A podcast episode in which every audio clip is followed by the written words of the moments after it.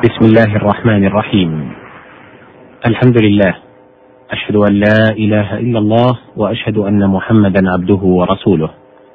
اللهم صل وسلم وبارك على عبدك ونبيك محمد وعلى آله وصحبه ومن تبعهم بإحسان. هذه أيها المستمع الكريم ألفاظ وردت في القرآن الكريم وجاءت في سور شتى على معاني مختلفة. منها لفظ الفتح الفتح أن يفتح المغلق كقوله تعالى حتى إذا جاءوها وفتحت أبوابها والفتح النصر كقوله فإن كان لكم فتح من الله وقوله فعسى الله أن يأتي بالفتح أو أمر من عنده لأن النصر يفتح الله به أمرا مغلقا. والفتح القضاء لأن القضاء فصل للأمور وفتح لما أشكل منها. قال الله جل ذكره ويقولون متى هذا الفتح إن كنتم صادقين؟ قل يوم الفتح لا ينفع الذين كفروا إيمانهم يعني يوم القيامة لأنه يقضي الله فيه بين عباده. ويقال أراد فتح مكة لا ينفع الذين كفروا إيمانهم من خوف السيف فلم ينفعهم ذلك.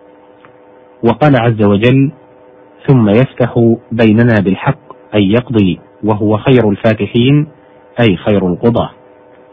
وقال أعرابي لآخر ينازعه بيني وبينك الفتاح يعني الحاكم. وقال ابن عباس في قول الله تعالى إنا فتحنا لك فتحا مبينا.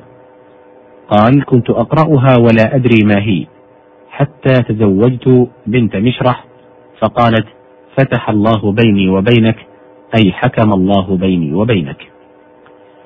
ومن هذه الألفاظ لفظ الكريم. الكريم الشريف الفاضل. قال الله تعالى إن أكرمكم عند الله أتقاكم أي أفضلكم. وقال ولقد كرمنا بني آدم أي شرفناهم وفضلناهم. وقال حكاية عن إبليس أرأيتك هذا الذي كرمت علي؟ أي فضلت. وقال إذا ما ابتلاه ربه فأكرمه أي فضله. وقال رب العرش الكريم أي الشريف الفاضل. وقال وندخلكم مدخلا كريما أي شريفا. وقال إني ألقي إلي كتاب كريم أي شريف لشرف كاتبه. ويقال شريف بالختم. والكريم الصفوح وذلك من الشرف والفضل. قال الله عز وجل فإن ربي غني كريم أي صفوح. وقال ما غرك بربك الكريم أي الصفوح. والكريم الكثير الكرم. قال الله تعالى ورزق كريم أي كثير. والكريم الحسن وذلك من الفضل. قال الله تعالى أولم يروا إلى الأرض كم أنبتنا فيها من كل زوج كريم أي حسن. وكذلك قوله من كل زوج بهيج أي حسن يبتهج به. وقال تعالى وقل لهما قولا كريما أي حسنا وهذا وإن اختلف فأصله الشرف. ومن هذه الألفاظ المثل. المثل بمعنى الشبه يقال هذا مثل الشيء ومثله كما يقال شبه الشيء وشبهه. قال الله تعالى مثل الذين اتخذوا من دون الله أولياء كمثل العنكبوت اتخذت بيتا. أي شبه الذين كفروا شبه العنكبوت. وقال مثل الذين حملوا التوراة ثم لم يحملوها كمثل الحمار يحمل أسفارا. أي شبههم الحمار. والمثل العبرة كقوله تعالى فجعلناهم سلفا ومثلا للآخرين أي عبرة لمن بعدهم. وقوله وجعلناه مثلا لبني إسرائيل أي عبرة. والمثل الصورة والصفة كقوله تعالى مثل الجنة التي وعد المتقون فيها أنهار أي صفة الجنة. ومن هذه الألفاظ الضرب. الضرب باليد كقوله تعالى فضرب الرقاب. وقوله واهجروهن في المضاجع واضربوهن. والضرب المسير. قال الله تعالى إذا ضربتم في سبيل الله. وقال تعالى وآخرون يضربون في الأرض. والضرب التبيين والوصف. قال الله تعالى ضرب الله مثلا. وقال فلا تضربوا لله الأمثال أي لا تصفوه بصفات غيره ولا تشبهوه به. ومن هذه الألفاظ الزوج. الزوج اثنان وواحد. قال الله تعالى وأنه خلق الزوجين الذكر والأنثى فجعل كل واحد منهما زوجا. وهو بمعنى الصنف. قال خلق الأزواج كلها مما تنبت الأرض يعني الأصناف. وقال ثمانية أزواج من الضأن اثنين أي ثمانية أصناف. وقال أولم يروا إلى الأرض كم أنبتنا فيها من كل زوج كريم أي من كل صنف حسن. والزوج القرين قال الله تعالى وخلق منها زوجها وقال واحشروا الذين ظلموا وأزواجهم أي قرناءهم وقال وإذا النفوس زوجت أي قرنت نفوس الكفار بعضها ببعض ومنه قوله وزوجناهم بحور عين أي قرناهم. والعرب تقول زوجت إبلي إذا قرنت بعضها ببعض.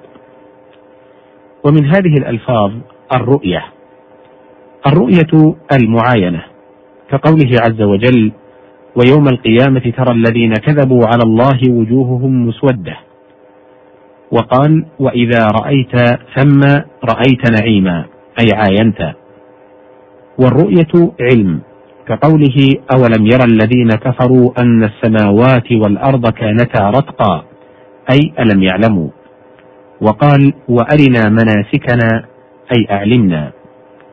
وقال تعالى ويرى الذين أوتوا العلم أي يعلم. وقال لتحكم بين الناس بما أراك الله أي علمك الله. وقال المفسرون في قوله ألم تر إلى الذين أوتوا نصيبا من الكتاب؟ ألم تخبروا؟ وكذلك أكثر ما في القرآن. ومن هذه الألفاظ النسيان.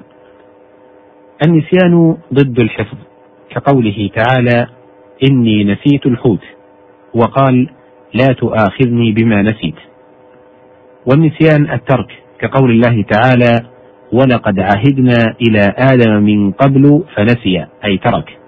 وقوله فذوقوا بما نسيتم لقاء يومكم هذا أي بما تركتم الإيمان بلقاء هذا اليوم. إنا نسيناكم أي تركناكم. وقوله ولا تنسوا الفضل بينكم أي لا تتركوا ذلك. ومن هذه الألفاظ الصاعقة والصعق الصعق والصعق الموت. قال الله تعالى فصعق من في السماوات ومن في الأرض. وقال تعالى فخر موسى صعقا أي ميتا. ثم رد الله إليه حياته. وقال الله تعالى فقالوا أرنا الله جهرة فأخذتهم الصاعقة بظلمهم أي الموت.